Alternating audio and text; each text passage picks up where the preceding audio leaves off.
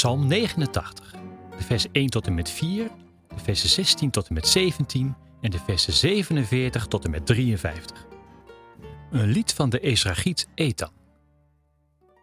Ik wil altijd zingen over uw liefde, Heer. Steeds opnieuw wil ik spreken over uw trouw. Want ik weet, uw liefde bestaat voor altijd. En aan uw trouw komt geen eind. U hebt David als uw dienaar uitgekozen, en dit hebt u hem plechtig beloofd: altijd zal iemand uit jouw familie koning zijn. Nooit zal dat veranderen. Gelukkig zijn mensen die u eren. U bent bij hen, bij u zijn ze veilig. De hele dag zingen ze over u, uw trouw geeft hun weer nieuwe kracht. Zult u zich voor altijd verbergen, Heer? Hoe lang blijft u nog boos? Gaat uw woede nooit voorbij? Denk toch aan mij. Ik ben maar een mens en u laat mensen maar kort leven. Alle mensen gaan eens dood, aan elk leven komt een eind. Nergens zie ik uw liefde, Heer. Davids nakomelingen zouden altijd koning zijn. Dat hebt u toch aan David beloofd? Heer, andere volken lachen uw koning uit. Ze maken hem belachelijk en ook uw andere dienaren, altijd en overal. Laten we de Heer altijd danken. Amen. Amen.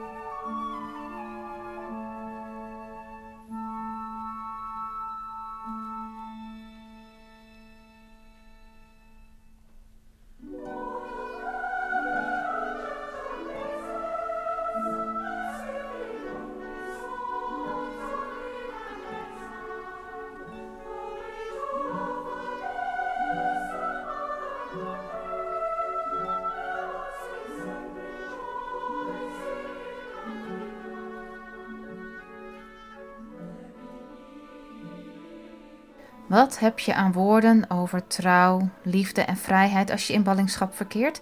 Als je verdreven bent van huis en haard? Als je leven overhoop is gegooid? Dit loflied op koning David is een psalm waarbij je steeds het gevoel hebt op het verkeerde been te staan.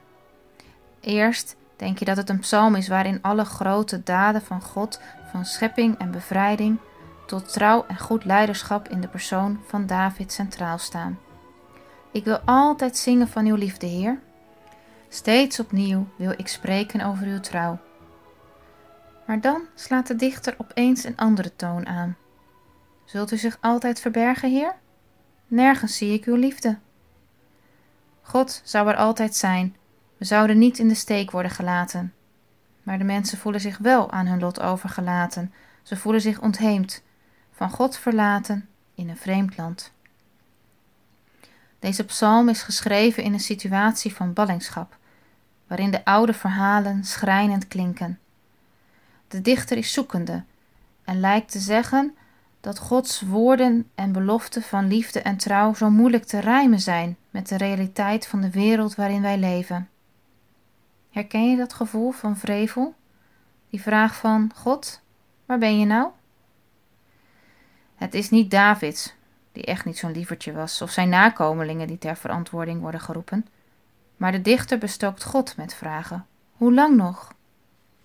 Laten we de Heer altijd danken. Hé, hey, waar hebben we dat eerder gehoord? Aan het eind van de psalm klinkt een echo van het begin. Ik wil altijd zingen van uw liefde, Heer. Maar na de woorden van vertwijfeling klinken de laatste woorden van de psalm cynisch, haast sarcastisch en ik krijg de neiging om weer opnieuw te beginnen. Want hoe moet ik deze psalm nu lezen? Hoe moet ik de woorden van geloof enerzijds en twijfel anderzijds verstaan? De lofspreuken aan het begin en eind zijn denk ik als de doxologie, de kleine lofzang aan de drie-eenheid, waarmee in de kloosters de psalmen in het getijdengebed worden afgesloten. Eer aan de Vader en de Zoon en de Heilige Geest, zoals het was in het begin en nu en in de eeuwen der eeuwen. Amen. Het is een vaste formule, woorden die in alle omstandigheden steeds weer de psalmen, de gebeden van zuchten en juichen omlijsten. Ook als in ballingschap, als je verdreven bent van huis, als je leven overhoop is gegooid en de woorden over trouw, liefde en vrijheid vreemd en wrang klinken. Ze doen pijn en ze geven hoop. Zoals Huub Oosterhuis schrijft: Jij was, jij zal, jij bent onze kracht om de weg te gaan, aan te durven, de dag, de middag, donkere nachten.